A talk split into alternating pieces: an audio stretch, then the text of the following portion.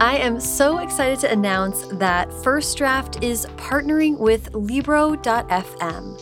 Libro.fm is the app that makes it possible to buy audiobooks through your local bookstore. Pick an audiobook from Libro.fm's 185,000 book inventory, and the profits from your purchase will be split with local bookstores. Right now, you can get two audiobooks for the price of one by going to Libro.fm and using offer code FIRSTDRAFTPOD at checkout. That's Libro.fm. Use code FIRSTDRAFTPOD at checkout.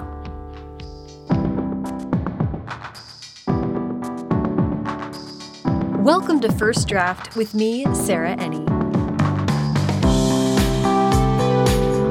This week I'm talking to Emma Straub, New York Times bestselling author of The Vacationers and Modern Lovers, whose most recent novel, All Adults Here, is out in paperback now.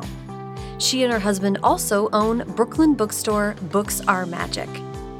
I loved what Emma had to say about the generational difference between her and her novelist father's publishing experiences how the pandemic revealed the best of her family and the worst of it, and all the new skills she's had to learn as a bookstore owner, as well as advice for authors when they're interacting with bookstore staff. If you'd like to support First Draft, a quick and easy way to do that is by subscribing to the podcast wherever you're listening now and leave a rating or review on Apple Podcasts. It really helps the show, and if you want to have a shout out in the credits, leave a review and I will uh, read one there. You can also go to the website, firstdraftpod.com, to check out the show notes for this episode and every episode, which have links to everything that the guest and I talk about. First Draft is an affiliate of bookshop.org, so when you shop through the links on the website, it helps to support the show and independent bookstores at no additional cost to you. And a quick update on First Draft newsletters. For the last year, I've written and sent out a weekly newsletter for paying subscribers, and it's been amazing. At first, that was called the Track Changes newsletter, then it was just the weekly newsletter, and as of last week, it no longer exists. I'm so proud of what I wrote and explored in a year of writing a weekly newsletter, but ultimately, I've come to the decision that it was coming at the cost of my writing time. As I wrote in the final newsletter, I want to be known as a podcaster and author, and right now I'm much more of the former than the latter. I want to say thank you, thank you, thank you, thank you to everyone who has supported the newsletter and the podcast and been so encouraging and patient with me as I adjust things on the back end over here and see what suits my life. The best way to support the podcast for now continues to be subscribing, leaving ratings and reviews, and you can still subscribe to the free monthly newsletter to get updates about latest episodes and news about me and the podcasts and all of those things. You can sign up for that monthly newsletter at firstdraftpod.substack.com or through the link on the website firstdraftpod.com. Okay, Enough of that. Now, please sit back, relax, and please enjoy my conversation with Emma Straub. Okay, hi, Emma. How are you doing this morning? I'm good. You know, now that we figured out how Bluetooth works, I feel like we've already accomplished something. So it's a good true. start. it's true. We're off to a great start. Um, so I'm so excited to talk about all adults here. Uh, but for my conversations, I really like to start way back at the very beginning. So I'd love to hear about where you were born and raised. Sure. So uh, I like to call myself a native New Yorker because I grew up in Manhattan and have lived in New York for, you know, all of my adult life except for college and grad school. But the the the truth, the truth is that I was born in Connecticut. it's a it's a it is um it is a great shame um, of my life. Connecticut is fine. It's very, it's lovely. It's beautiful. But yeah, my parents, my parents were living in England in the late 1970s and they wanted to move back to the States. They already had my older brother and they wanted to move to New York, but it was the late 70s and so they were scared. And so they moved to Connecticut. and they were so miserable there. Um, they moved to this really fancy suburb Mhm. and it was too much like it was too like country club for Mhm. them Mhm. so they quickly moved into new york which is Amazing. where where i where i became a sentient being let's say and you were, I think you were raised on the Upper West Side, is that right? Mhm, mhm. Nice. I want. I would love to hear about. Um, I love asking my guests about how reading and writing was part of growing up for them. And you have such an interesting story because your dad was a novelist. yeah i mean and i would say that like it's i mean my dad was a novelist is a novelist it a novelist? Yeah. So that was a big part of it. But also, my mom ran an early childhood literacy program for not when I was not starting when I was very very small, but starting when I was in elementary school. So so really with both of them, it was like the number one thing. Some parents or some families like go skiing or something. I don't know. Play sports, baseball. uh, I don't know, but not mine. My mom, my mom has some hobbies, but my dad really has not not a one, not a one.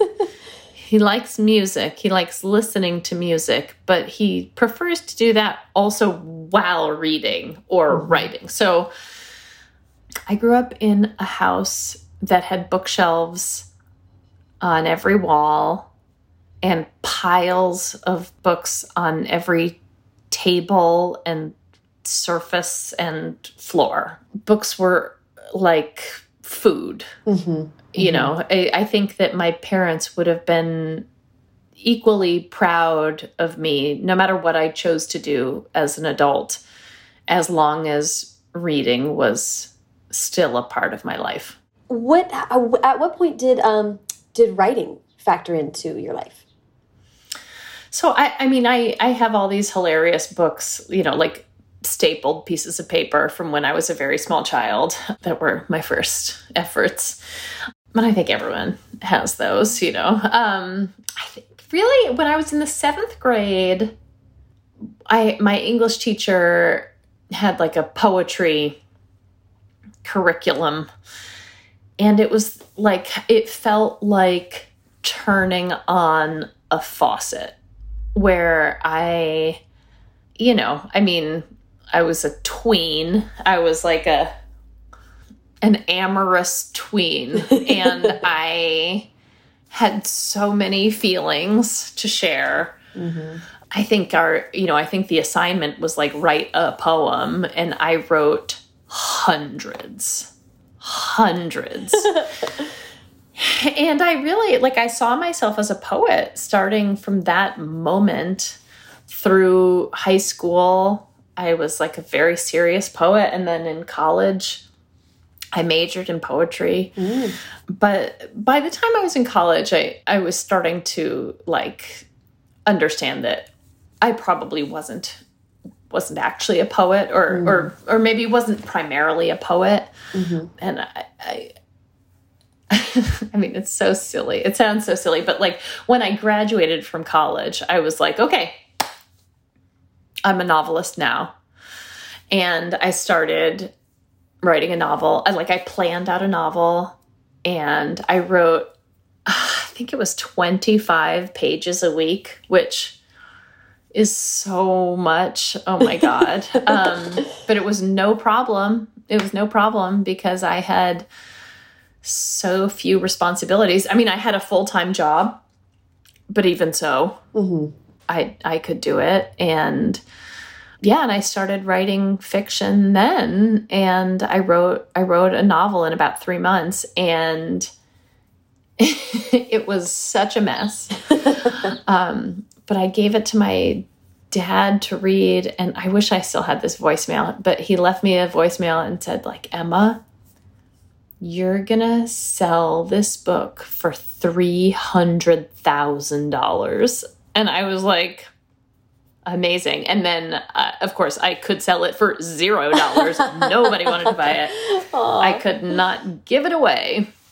and then I wrote two other novels after that that sold for equal sums of money 0 and zero. but I didn't care. I mean, I just thought, okay, this is part of it. I'm learning. This mm -hmm. is, you know, I just, I saw it as, I just, I had an abundance of self confidence and I mm -hmm. thought, okay, like, I'm just, I'm, I'm working on it and yeah. I am, and I'm going to get there eventually. It's interesting to me that you made that shift so sort of consciously like now is the time for novels. Especially since I, I, I think i have this right that your first um, published work is a collection of short stories. So at some point you kind of yeah. like a middle ground between well, so, poetry and novels. Well so what happened was that after so i was 25 you know despondent that I hadn't published a book by then because 25 to me just seemed like well your life is over at that point. If you haven't done life you know. is over.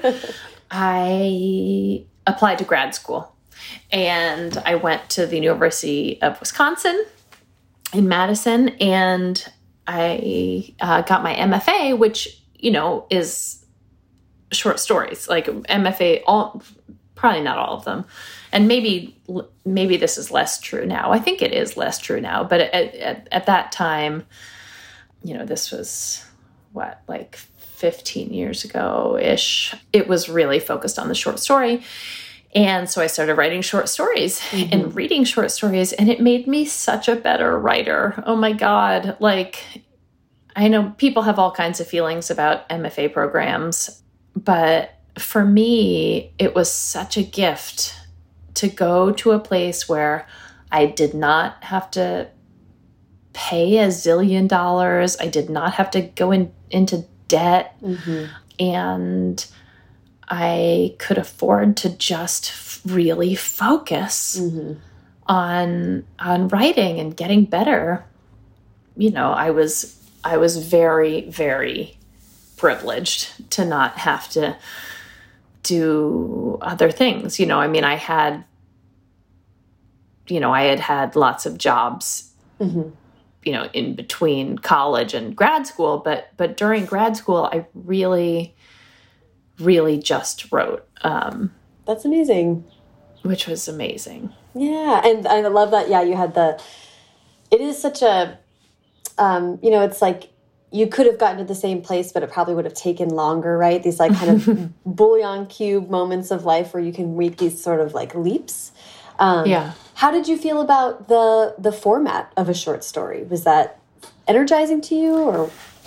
Yeah, it was. It was. Um, it was amazing. I mean, it, I I, I feel like thinking about short stories now. It feels a little bit like thinking about speaking French. Like I spoke it for right. a while. I spoke that language for a while.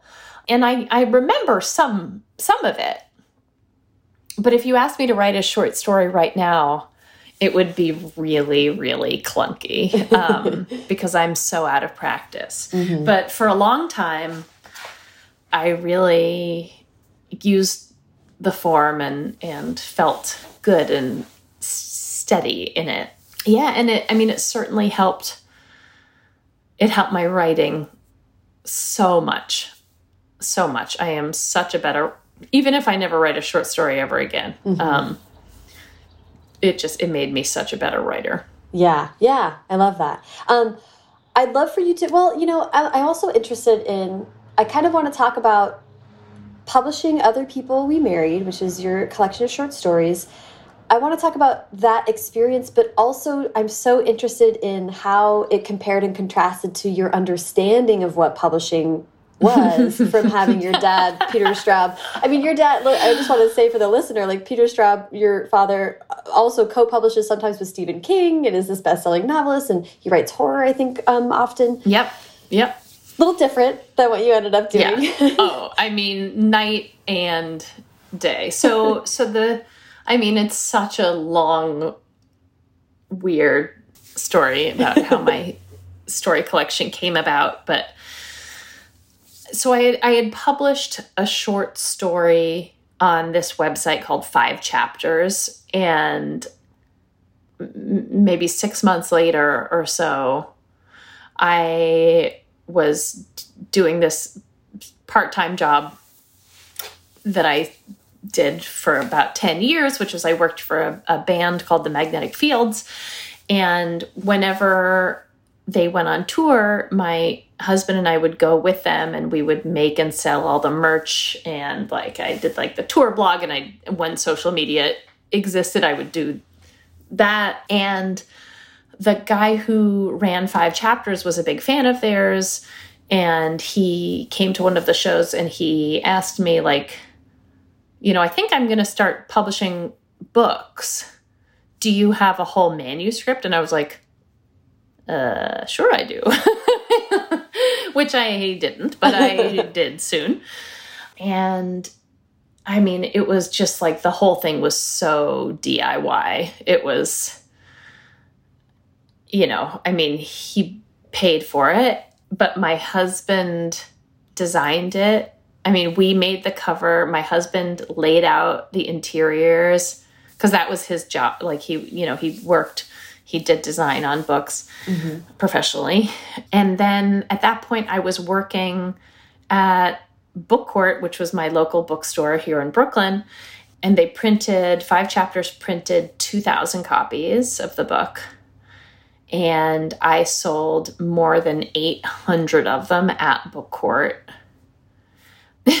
and then and that's how I mean, I arranged a book tour for myself. Mm-hmm. Like because I worked at BookCourt, I knew people who worked at all these other bookstores. Right. And so I arranged this whole book tour for myself and like you know, I was I was an early adopter of Twitter. Mm-hmm. You know, I think like the way people think about Twitter now is just this like toxic cesspool.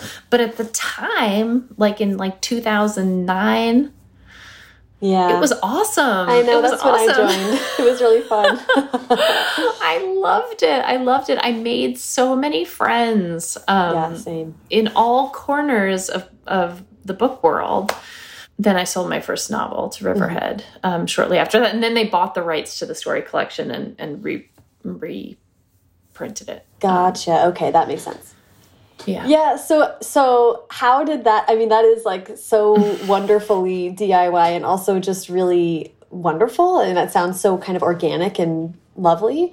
How is that different from, or, you know, you then you're getting this experience of publishing a book in 2011 or, or 10 yeah. or 9 versus yeah. your dad's been publishing for a long time and oh, knows oh, yeah. like an old school sense of publishing. Oh, yeah. I mean, my dad, you know, my dad, like, for my dad, like talking about publishing is like, you know, so first you'd like go to lunch at the Four Seasons mm -hmm. and, you know, you drink some martinis and you, you know, like, and that was not my experience. You know, my experience was like, you know, you know, you get no advance and you do all the work yourself. Uh -huh.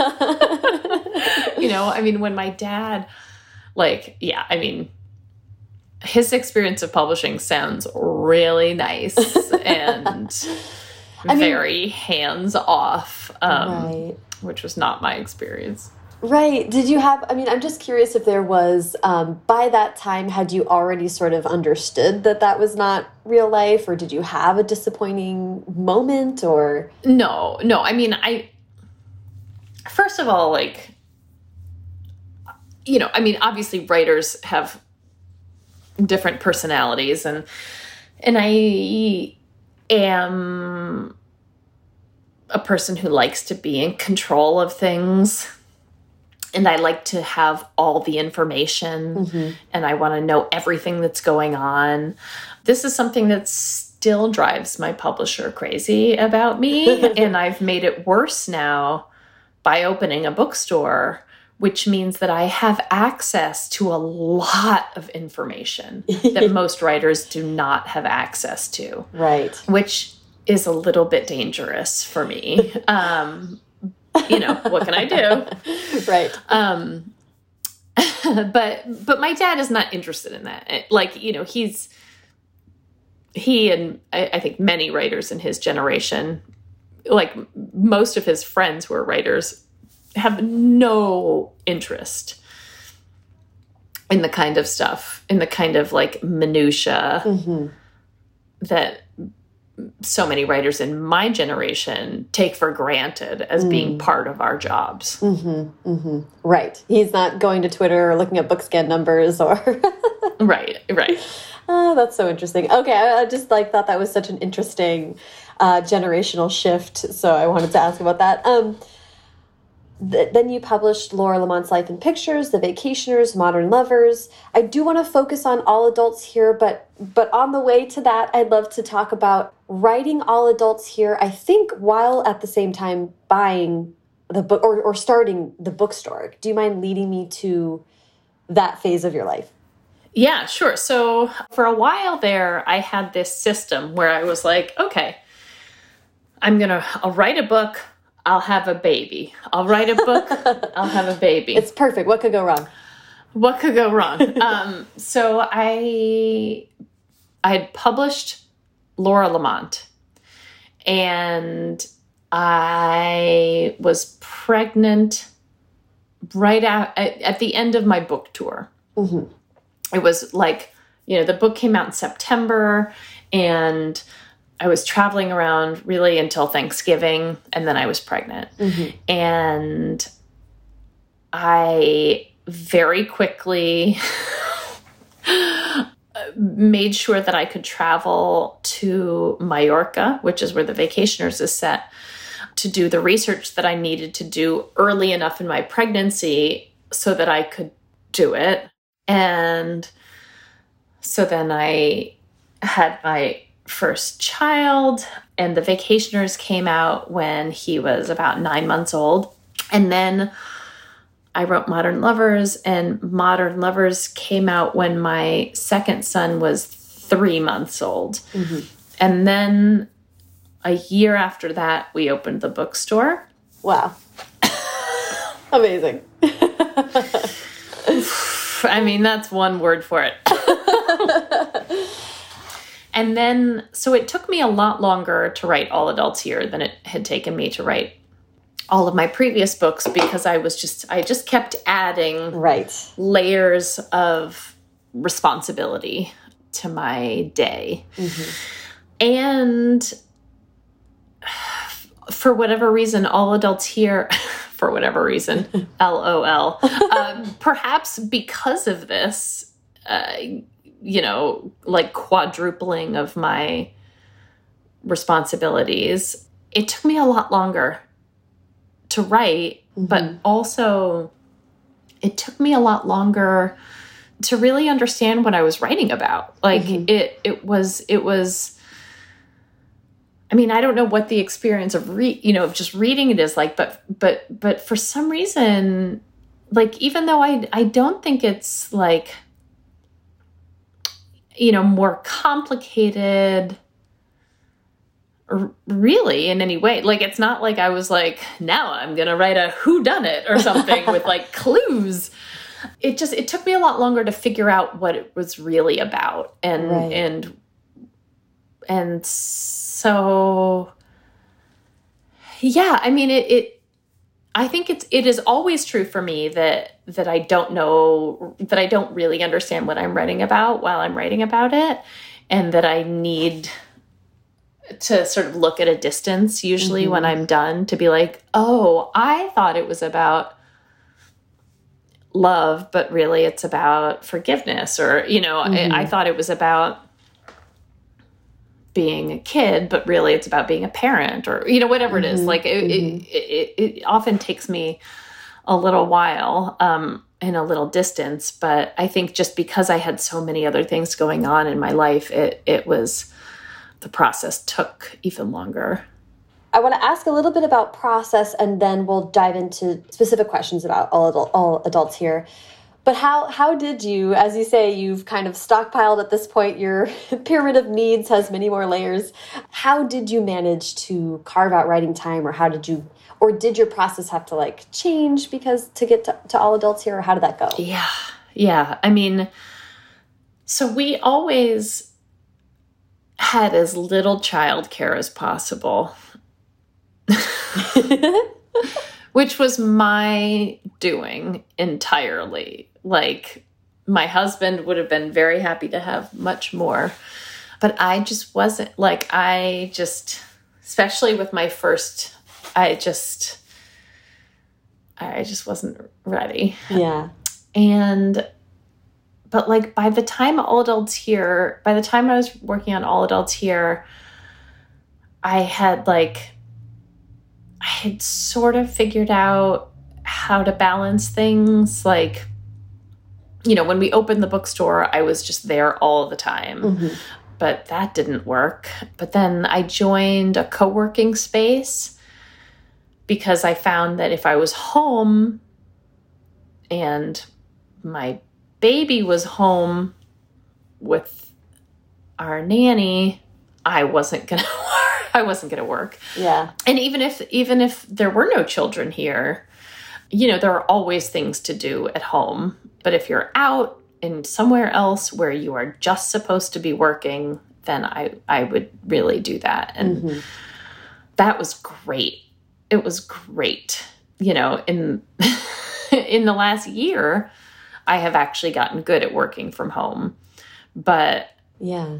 you know, not by choice. Right, right, not right. by choice. Well, let's do. let's dive into all adults here, and then I want to ask about questions about that book, and then I want to talk about sort of the year that we've just had in that book, and I then I want to ask a few more questions about the bookstore specifically and how that factors into your writing life now. But before I ask specific questions about the book, do you mind giving us the official pitch for all adults here?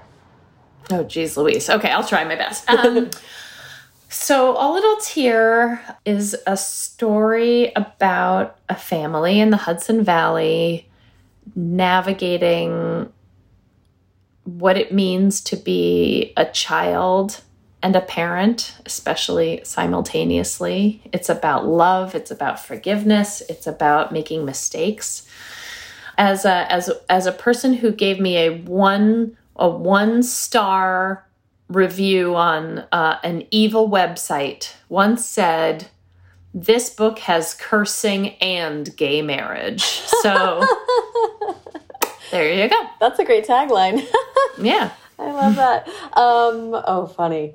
In the, uh, I I loved it. All adults here. It was really sort of this kind of intergenerational family story, which is always a, um, you know, I love I love reading things like that. In the acknowledgments of all adults here, you say the book was partly guide or guided or inspired by the still processing episode. I'm still processing being a podcast put on by the New York Times with Jenna Wortham and, and Wesley.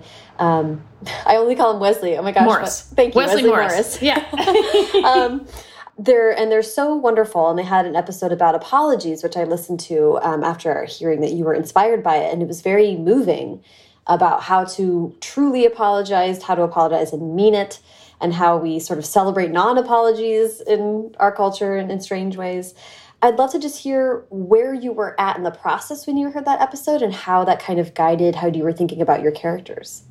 Yeah so i i mean i love i love the two of them. I think they're just geniuses and i i would listen to them talk about anything and i and i do. Um but that episode it was it was just i was in edits. I think i had already written it maybe but or I, I i was i was like deep deep deep in working on the book. And there's a there's a there's a something in the book that happens between a mother and her teenage son that she really regrets and you know i just as a parent i just understood in a new way that like you know the things that you hold on to really belong belong to you. That that when the mother and all adults here finally does apologize to her child for this mistake that she's made it turns out that she's you know that's that's all well and good but that what her child is actually upset about is something else entirely. But that it was it weighed so heavily on her for so long. So she she needed to do it really for herself. Mhm. and that i don't know i guess it just made me think about how you never really know what something means to someone else, and that things that seem inconsequential to you might might be hugely impactful to someone else and vice versa. But what i really what i really loved in that in that episode was that you know in the episode jenna apologizes to a friend of hers from from childhood really and and what i love is that you hear in this other woman's voice that she it's not it's not something that she's been waiting to hear you know mm-hmm. but it's something that that sort of takes her breath away because it is it it's something that she didn't even like really know that she needed mm-hmm. I guess, yeah. I mean, I guess it just it made me think about how much we affect each other even decades down the road. And just, you know, we are like humans really are like elephants when it comes to to some to to things that really touch somewhere deep deep inside that mm -hmm. you know i like i would say i would tell you that i have a terrible memory and it's true. But I sure do remember some times in my childhood that I felt wronged. Mm-hmm. I remember those clearly. right, right. So, I mean, I'm so interested too because in All Adults Here, there is, I mean, that is sort of one of the, a driver in the book, right? Is, is this an arc for the, the sort of matriarch of this family, Astrid, is we're sort of waiting to see if she gets up the courage to apologize. So that is really a huge thing in the book. So I, I was interested in whether that was already there or, or did that just make you think about it differently or were you sort of able to really bring that to the surface at, with all this thought about apology? Yeah, I mean, it was it was already there. Like it was already a part of my book, but I think it was just like I, I guess it, maybe it made me feel like I wasn't crazy to have something that seems so small mm, mm -hmm. Be such a big part of this my story. Um, yeah.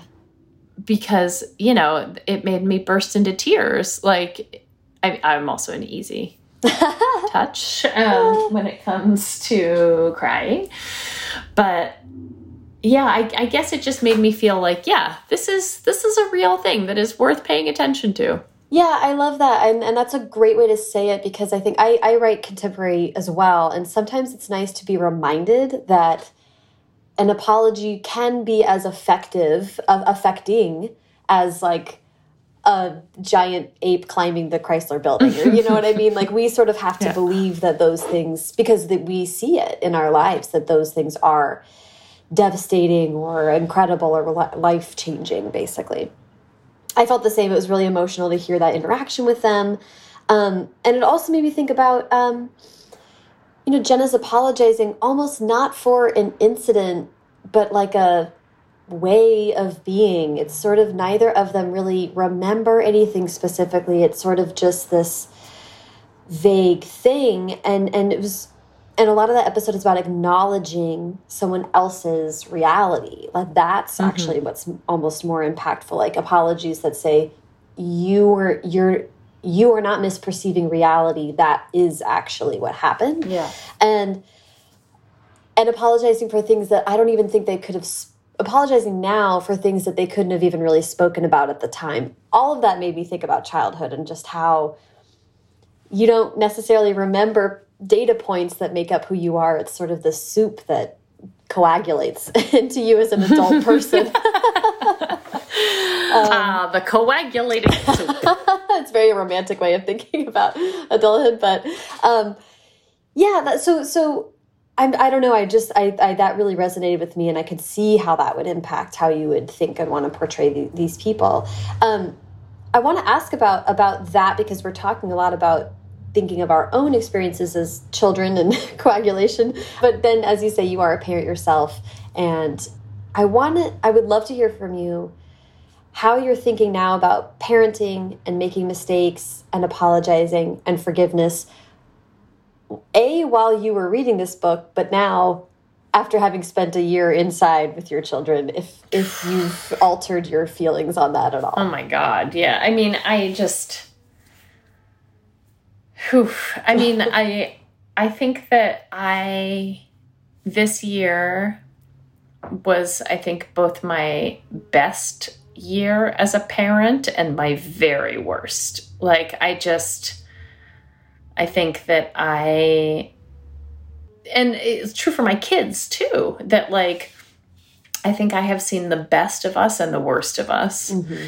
And you know, I as someone who has always thought of myself as I usually am, which is like calm mm-hmm. and joyous and fun and creative and comforting. Like, you know, I am all of those things. But this year I was also angry and scared and you know, my temper was more easily triggered. Mm-hmm. So it's, you know, this has been a, like a, just I mean, it's been an impossible year, and I hope that what it does is is that it, it, you know eventually when life feels less scary that I can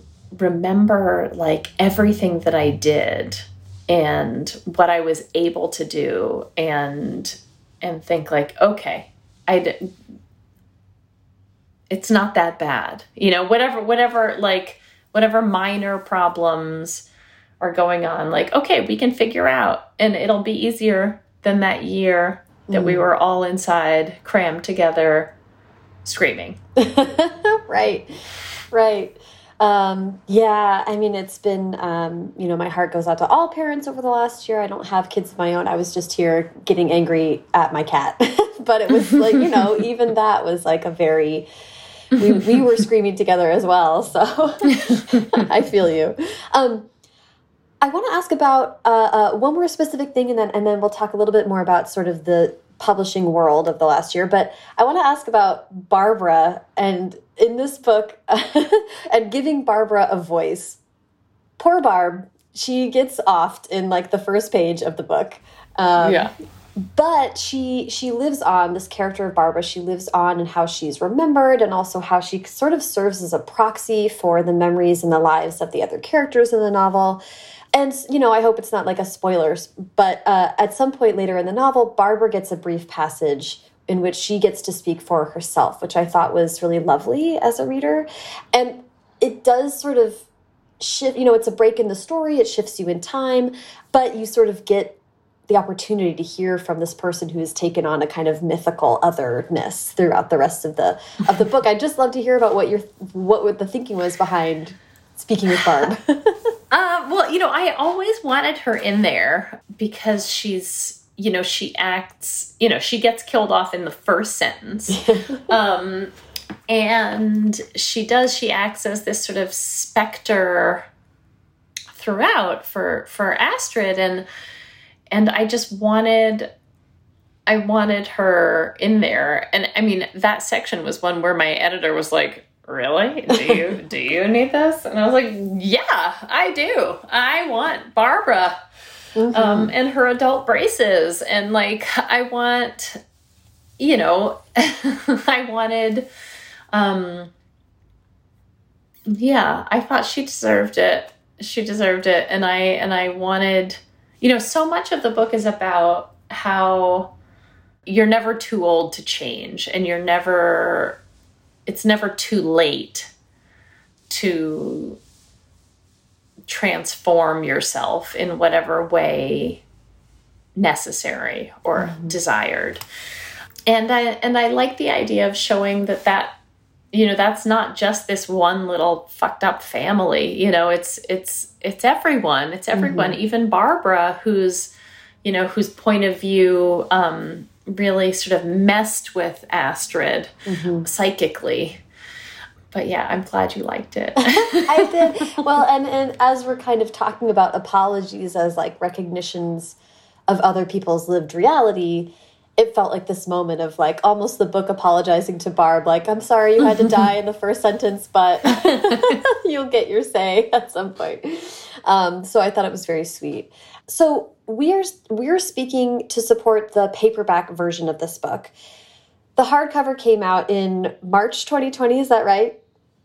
What was, time? It was May 2020, but okay. May 2020 felt like March 2020. What were months at that time? Um, yeah.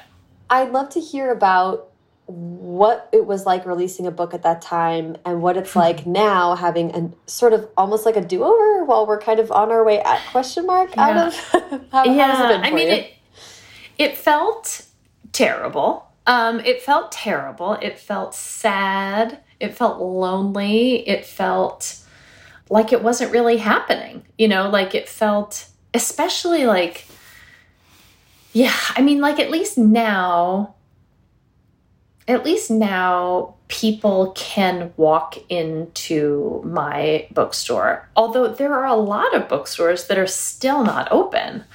You know, I mean, I think it's right now it's sort of up to people's own comfort and discretion and yeah, I mean, I I know a few bookstore owners who are not open even though other businesses around them are and you know, I think right now, like, people just have to do what feels right to them, and mm-hmm. I totally understand. Um, but yeah, so now at least people can walk into some bookstores and see it there, mm-hmm. which makes it feel like more of a real thing that exists in the world.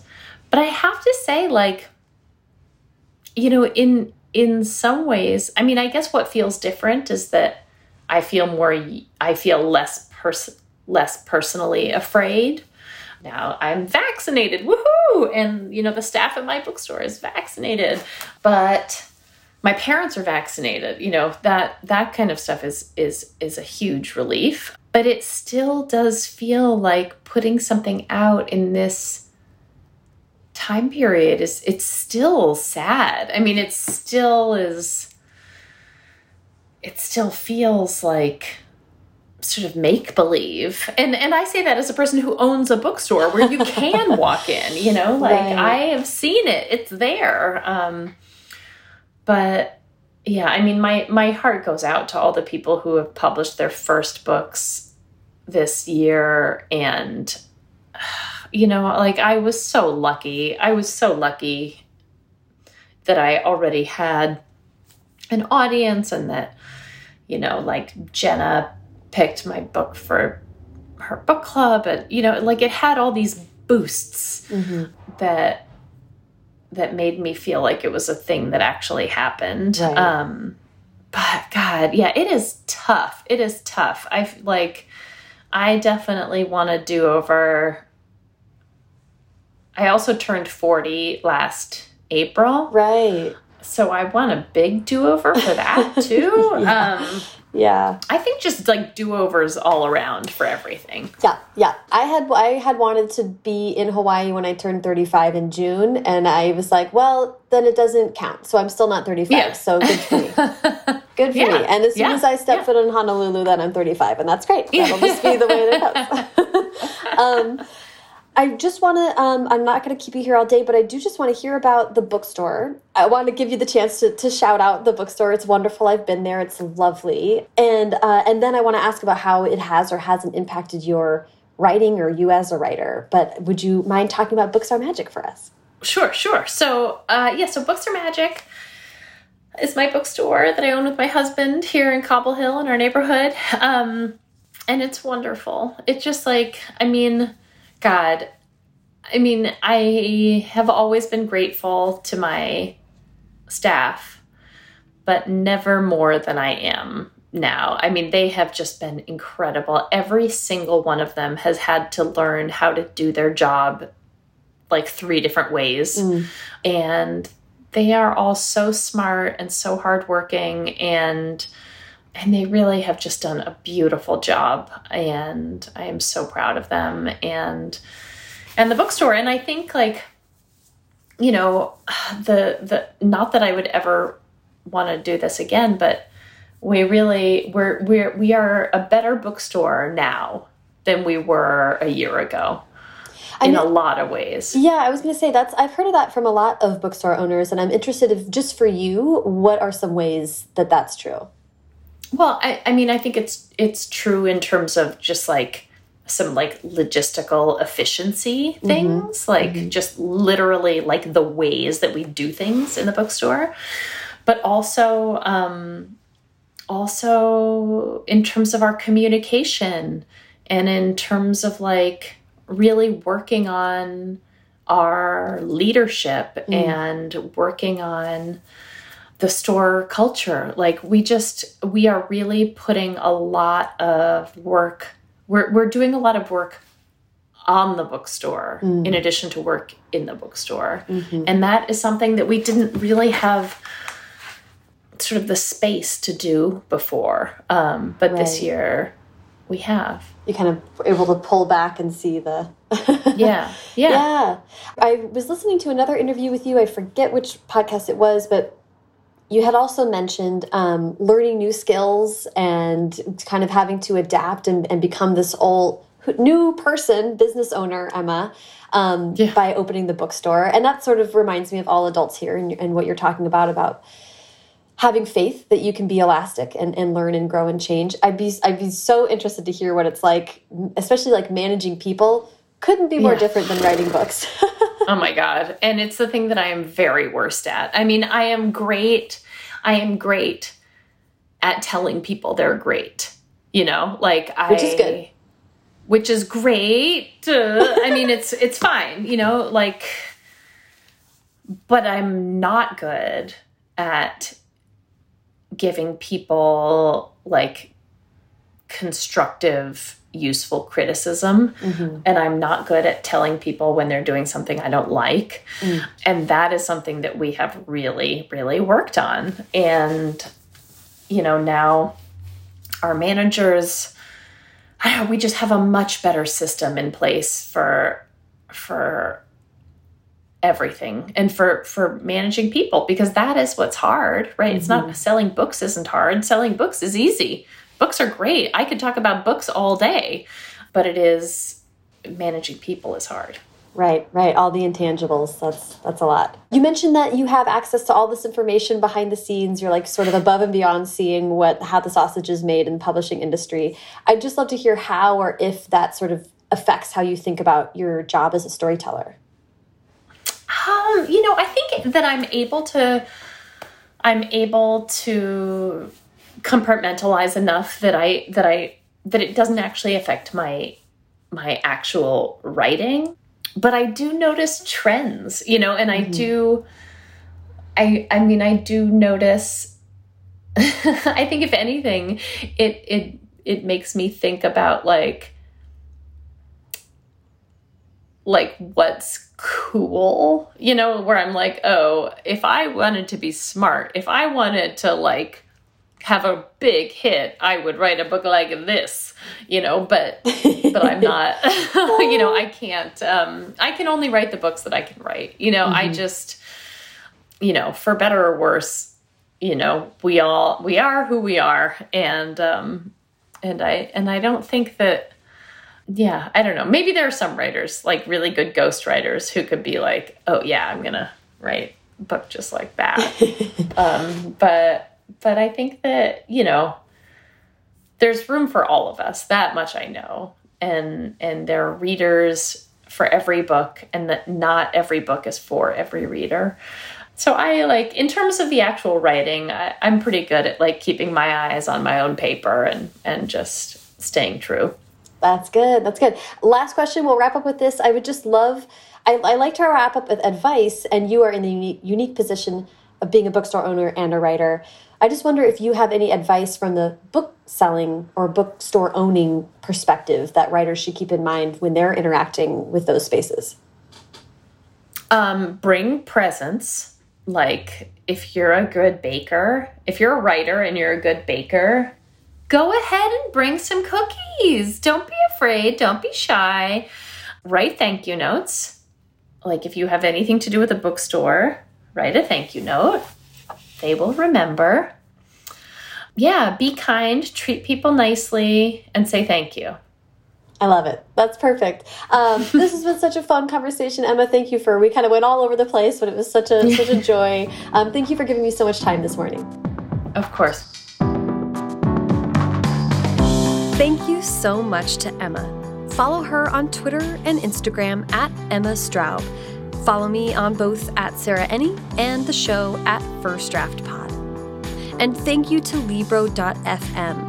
Through our partnership with them, you can get two audiobooks for the price of one by using the code FirstDraftPod at checkout.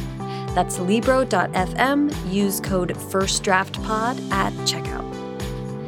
Like I mentioned at the top of the show, leaving a rating or review on Apple Podcasts is a great way to support the show and help new listeners find us. I love reading reviews in the credits, so if you want a very special shout out, go to Apple Podcasts and leave a review now. First Draft Pod is produced by me, Sarah Enni. Today's episode was produced and sound designed by Callie Wright. The theme music is by Dan Bailey, and the logo was designed by Colin Keith. Thanks to social media director Jennifer Nkosi and transcriptionist at large Julie Anderson.